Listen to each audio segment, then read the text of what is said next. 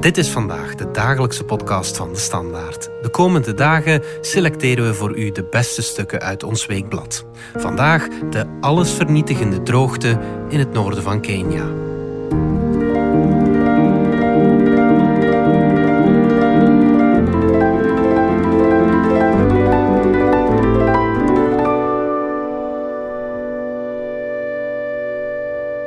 Ik ben Casper Goethals, journalist bij de Standaard Weekblad. En in maart reisde ik samen met de Duitse freelance journaliste Olivia Cortas naar Kenia, naar het noorden, de provincie Turkana, waar klimaatverandering nu al heel hard huishoudt.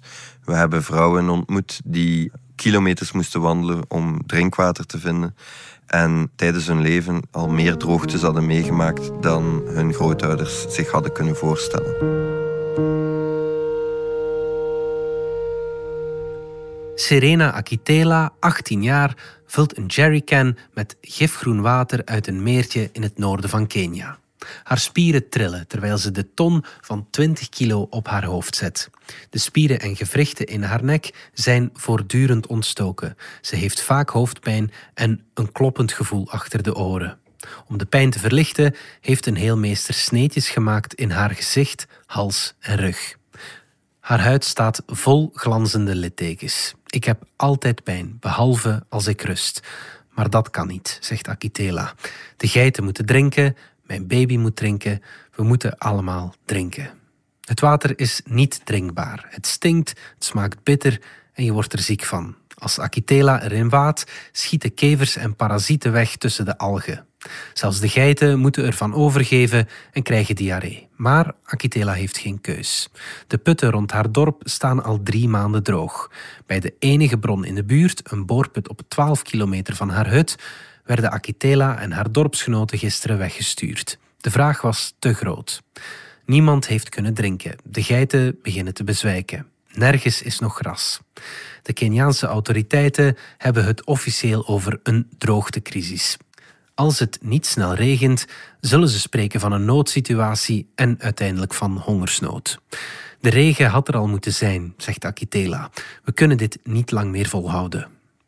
Akitela werd geboren in een hutje op een stoffige vlakte in het noorden van Turkana, een provincie zo groot als België en Nederland samen in Noordwest-Kenia. Er wonen 927.000 mensen. Bijna allemaal behoren ze tot het semi-nomadische Turkana-volk. De vrouwen dragen dikke parelkettingen van kin tot borst en blijven het hele jaar thuis. Ze doen veruit het meeste werk, koken, hutten bouwen, water verzamelen, geiten melken, houtskool maken en verkopen en de kinderen verzorgen. De mannen zijn herders en blijven maandenlang weg met de kamelen, ezels en runderen. Ze zijn ook gevreesde strijders die veeroven van gemeenschappen in de buurlanden. Als ze iemand hebben gedood, tooien ze zich soms met veren van struisvogels of gieren. De temperatuur is hier de laatste 50 jaar met 1,8 graden gestegen. In de rest van de wereld is dat 0,8 graden in 100 jaar tijd. Turkana krijgt in sommige rapporten daarom de cynische naam klimaatkanarie. Tussen 1950 en 2000 waren er negen verschrikkelijke droogtes in Turkana. In Akitela's leven waren dat er al zeven. Nog voor ze tien was, had ze mensen zien wegkwijnen. Als kind moest ze soms wekenlang overleven op zaden, gekookte bladeren en nu en dan een handje mais. Turkana kan ons volgens wetenschappers belangrijke lessen leren over de gevolgen van onze omgang met de planeet. De toestand van de Keniaanse provincie illustreert hoe de allerarmsten, die zelf amper schuld hebben aan de klimaatverandering, het hardst getroffen worden. Volgens de recentste studies zal in 2070 ongeveer 19% van het aardoppervlak onbewoonbaar zijn. Vandaag is dat maar 0,8 procent. Turkana is een van de eerste gebieden die onbewoonbaar kunnen worden. Miljarden mensen dreigen met dezelfde omstandigheden te maken te krijgen. Zij zullen zich moeten aanpassen aan een extreem klimaat op een manier die de mens nooit eerder gelukt is, of ze zullen klimaatvluchteling worden. Ik weet niet waarom het weer verandert, zegt Akitela. Misschien is het de duivel. Turkana is altijd een onherbergzaam gebied geweest. Ook in de tijd van Akitela's overgrootouders konden de droogtes verschrikkelijk huishouden. Tekenend zijn de namen die de inwoners bedachten voor de laatste droogtemaanden: Lolongo of honger en Lokwang, de witte tijd, wanneer stofwolken en zandstormen over het land razen. In 1971, negen jaar na de Keniaanse onafhankelijkheid van Groot-Brittannië, noteerde verslaggever Charles Moore in de New York Times dat honderden naakte kinderen met opgezwollen buiken en benen zo dun als stokken bedelend over de vlakte zwierven. De bermen waren bezaaid met de botten van verhongerde koeien, schreef hij. Het was een harde tijd, maar de crisissen waren niet ieder jaar zo erg. Na de droogtes konden de Turkana aansterken, uitzwermen naar groenere gebieden en hun kuddes heropbouwen. Het gemiddelde gezin had 50 jaar geleden tientallen koeien, kamelen en ezels en honderden geiten. Oudere Turkana vertellen hoe elke week melk en vlees werden geserveerd, zelfs in de droge maanden. De bruidschatten waren royaal. Een jonge vrouw leverde tientallen gezonde dieren op. Die tijd is voorbij. Er is nauwelijks grasland en geen tijd voor herstel. De mannen hebben meestal maar een paar runderen of kamelen meer. Iets na de middag zien we Akitela opnieuw in de schaduw van een boom, in een rivierbedding vlakbij haar dorpje Edaraya. Ze is twee keer water gaan halen en heeft zes uur gelopen in de brandende zon. De meeste dorpelingen liggen uitgeput of ziek in hun boma, hutten opgetrokken uit takken, modder en mest, soms versterkt met een plastic zeiltje van de Verenigde Naties. Terwijl Akitela haar ogen masseert, kruipt baby Abby, amper één jaar oud, op haar dij. Het kind duwt de doek rond haar borsten weg en begint te drinken. Een van onze moedergeiten is deze week ingestort, zegt Akitela. Ik heb melkpoeder nodig om haar twee jongen in leven te houden. Ze zou nu drinkbaar water moeten zoeken, weet ze, maar ze mag niet nog een geit verliezen. Sommige vrouwen laten de geitenlammeren aan hun eigen borst drinken. Akitela moet houtskool maken, die ze kan ruilen voor wat mais en melkpoeder. Haar man is stokoud. Hij is zwak en kan niets meer, zegt ze. Ze werd aan hem uitgehuwelijkt als tiener, omdat haar ouders de bruidschat van een paar tientallen geiten nodig hadden. Akitela is zijn tweede vrouw en baarde Abby toen ze 17 was. De eerste vrouw, Regina Awesit, is een jaar of 35 en heeft een zoon van ongeveer Akitela's leeftijd en een dochter van 11 of 12. De Turkana houden geen geboortejaren bij. De jonge mannen zijn weggetrokken met de meeste koeien, kamelen en ezels naar de grenzen met Oeganda, Ethiopië en Zuid-Soedan, waar een beetje meer grasland is. Daar clashen ze met andere volkeren van over de grens. De massale invoer van machinegeweren door de burgeroorlog in Zuid-Soedan maakt de conflicten veel bloediger. Ieder jaar worden honderden mannen doodgeschoten tijdens rooftochten en gevechten om territorium. De lokale radio's berichten er elke dag over. Ga houtskool maken, commandeert Awesit. Akitela knikt en laat Abby bij haar achter. Ze klimt de oever op waar een stapel hout ligt die ze de afgelopen drie dagen heeft gehakt. Om houtskool te maken bedekt ze brandende takken met een struik en schept daar aarde op, zodat het vuur weinig zuurstof krijgt. Het is zwaar werk. Dek alles af, roept Awesit van onderaan de oever. Ook de zijkanten, tot je geen rook meer ziet. Akitela schept en schept, maar het gaat steeds moeizamer. Ten slotte fluistert ze: Ik ben moe. Kan iemand helpen? Awesit en haar dochter negeren haar. Hoe blijven deze vrouwen in leven? Ze wonen in een landschap dat je het best kunt vergelijken met de beelden die de Perseverance van op Mars doorstuurt. De hitte heeft alle kleur uit de natuur gezogen. Er is alleen nog grijs en bruin, stenen en zand. Enkele oude acacia's die nog niet waren omgehakt, zijn omgewaaid. Duizenden termietenheuvels priemen uit de aarde als de dikke vingers van reuzen. Soms als de kinderen echt honger hebben, klauwen ze de heuvels open op zoek naar zaden die de insecten hebben verzameld. Het is apocalyptisch. De enige plant die hier overleeft is de matenke, een struik die werd geïntroduceerd om schaduw en brandhout te geven, maar alle andere en eetbare planten wegdrukt. De Turkana noemt het een duivelse struik. Als de geiten de zaden eten, verliezen ze hun tanden en vallen ze uiteindelijk dood. Ongeveer 40 kilometer ten zuiden van Edaraya, in een bos van matenge-struiken aan de rand van de stad Kakuma, wacht Sike Lupua van 30 met een groep vrouwen tot de ergste hitte voorbij is.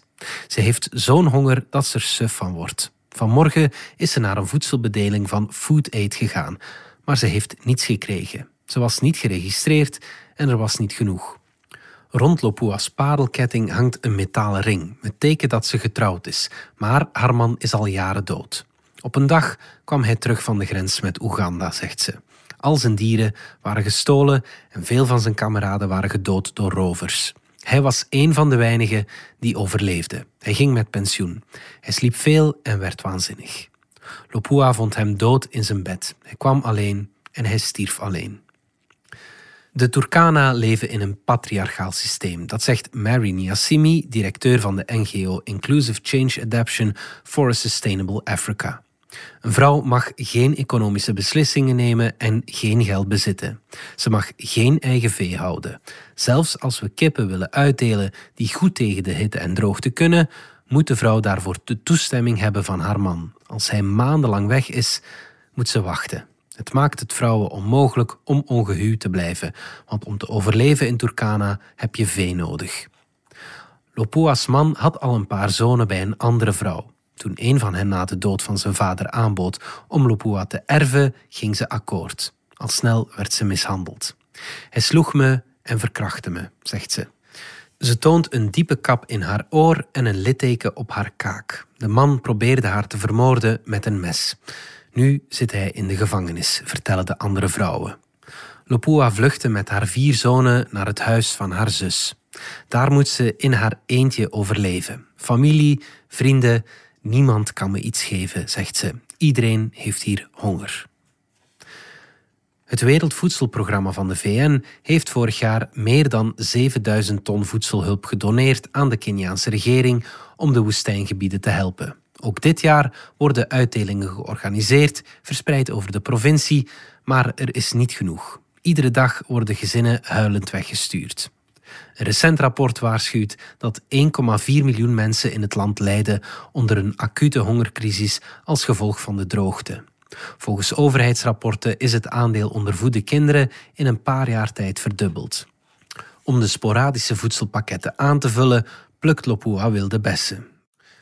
Voor velen van hen is het dagenlang het enige wat ze eten. De honger verzwakt de kinderen. Sommigen hoesten zorgwekkend. Er zijn gevallen van bloedarmoede, tuberculose en longontsteking. Dit jaar zijn meer mensen overleden, zeggen ze, ook kinderen. Ze worden nauwelijks getest op COVID-19.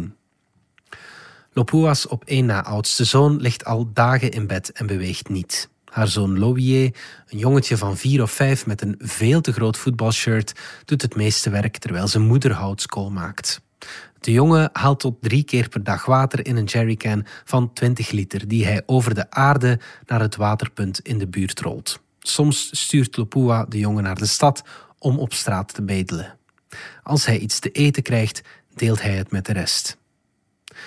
Wil Lopua opnieuw trouwen? Ze knijpt in haar ogen, gooit haar armen in de lucht en schudt met haar handen. Nee, roept ze uit. Mannen zijn honden, zegt ze.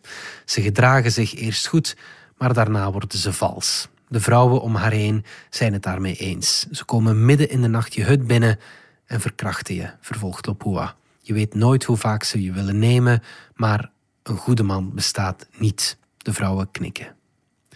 Een paar jonge meisjes die meeluisteren zwijgen. Een van hen zegt dat ze 14 jaar is, maar ziet er jonger uit. Ze houdt een baby vast. Ze glimlacht verlegen als ik naar haar man vraag. Hij gaat binnenkort met me trouwen, zegt ze. De oude man heeft haar valse beloftes gedaan, haar zwanger gemaakt en is weggelopen, zeggen de andere vrouwen. Een ander meisje, ongeveer even oud, draagt een trouwring om haar nek. Ze heeft al drie kinderen. Officieel zijn kindhuwelijken verboden in Kenia, maar volgens de overheidsstatistieken was 23% van de gehuwde vrouwen in Kenia minderjarig op het moment van hun huwelijk. Volgens Caritas ligt het aandeel in Turkana nog iets hoger, rond de 30% De droogte en het coronavirus, waardoor meisjes niet naar school mogen en thuis zitten, vergroten de kans dat ze vroeger trouwen en kinderen krijgen. Dat zegt Agnes Mana, directeur van Caritas in Lodwar, de hoofdstad van Turkana. Mary Niassimi beaamt dat. Ouders willen hun dochters zo snel mogelijk laten trouwen om de bruidschat te krijgen. Door het veranderende klimaat worden meisjes van 12 of 13 steeds vaker uitgehuwelijkt. De mannen met wie ze trouwen zijn gemiddeld 30. Vrouwen zijn de grootste slachtoffers van klimaatopwarming in Turkana. Dat benadrukt Niassimi. Ze moeten hun gezin door de extreme omstandigheden loodsen. Turkana is een van de minst ontwikkelde en meest vergeten gebieden van Oost-Afrika. De eerste Europeaan die het gebied bezocht in 1888 was graaf Samuel Teleki van Sek, die bij thuiskomst in Transylvanië opschepte dat hij, en ik citeer, 300 negers had doodgeschoten.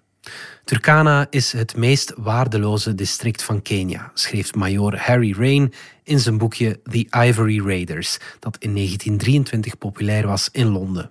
De Britten hadden weinig economische interesse in het gebied en veroverden het alleen om te voorkomen dat een andere Europese grootmacht dat zou doen. Het belette hen niet om tussen 1897 en 1920 naar schatting 14% van de Turkana-bevolking om te brengen. In zijn boek The Scattering Time, Turkana Responses to the Colonial Rule, beschrijft historicus John Lamphere het verzet van de Turkana. Het is vandaag moeilijk voor te stellen dat het volk in de 19e eeuw een van de welvarendste van Oost-Afrika was. Op het hoogtepunt van hun macht konden ze een leger van ruim 5000 soldaten mobiliseren voor de strijd tegen het kolonialisme. Lamphere beschrijft hoe de Britten niets begrepen van het volk dat ze neersloegen. De leiders werden opgejaagd, gedood en ontvoerd, tot er van het complexe bestuurssysteem van de Turkana niets overbleef. Je kunt moeilijk overschatten hoe de Britse kolonisatie Turkana heeft kapotgemaakt, zegt Lamphere aan de telefoon. Hun vee, honderdduizenden dieren, werd van hen afgenomen. Hun leiders werden uitgeschakeld en daarna werd de provincie decennia lang hermetisch afgesloten om, en ik citeer, het primitieve volk te beschermen van buitenlandse invloeden. Een beetje zoals je wilde dieren in een reservaat beschermt. Het was de genadeslag voor een cultuur die groot was geworden door uit te zwermen, te veroveren en andere volkeren in te lijven, meent Lamphere. Opgesloten binnen afgebakende grenzen zijn ze verloren. Na de kolonisatie zette de onafhankelijke regering in Nairobi het Britse beleid in Turkana nog een tijd voort. Dat heeft hen ongetwijfeld veel kansen op scholing, ontwikkeling en economische uitwisseling ontnomen. De kostprijs daarvan is tot vandaag te voelen. Naast Edaraya, het dorpje van Akitela, snijdt een gloednieuwe asfaltweg van 309 kilometer door het marslandschap. Die wordt aangelegd door het Chinese staatsbedrijf Kiko als onderdeel van het geopolitieke One Belt One Road project van Peking. De weg moet Zuid-Soedan rehabiliteren en verbinden met de Keniaanse havens aan de Indische Oceaan. Het werkelijke doel is om de snel groeiende Afrikaanse economie beter te ontsluiten voor Chinese massaproductie. Het kan een opportuniteit zijn voor de Turkana, maar de Chinezen hebben tijdens de bouw van de weg ook waterbronnen ingepalmd. De boorput waar Akitela en haar dorpsgenoten de voorbije dagen werden weggejaagd, wordt door hen gecontroleerd. John, een lokale werknemer van Kiko die de plek bewaakt, vertelt dat zijn Chinese bazen woedend worden als hij te veel water uitdeelt aan de Turkana-vrouwen. Ik wil hen niet wegjagen. Ik ben zelf Turkana en probeer hen zoveel mogelijk te helpen, zegt hij. Maar mijn baas dreigt me te ontslaan. Als reactie hebben de bewoners van Edaraya de weg versperd met doornstruiken. Ze vragen een oplossing voor het watergebrek, maar de meeste vrachtwagenbestuurders razen vloekend over hun blokkade heen. Na een paar uur worden ze naar huis gestuurd door de politie. Akitela weet dat haar regio investeringen nodig zal hebben voor er iets verandert. Als ik water en een school in de buurt had, zou ik mijn dochter daarheen sturen, zegt ze. Akitela was 16 toen ze de tweede vrouw van haar man werd. Ze was zijn pensioenplan. Dat zijn de regels, zegt de jonge moeder. Weerstand heeft ze zelfs nooit overwogen. Mijn dochter zal hetzelfde leven hebben als ik, zegt ze. Dat doet me pijn, maar je kunt hier niet wegkomen.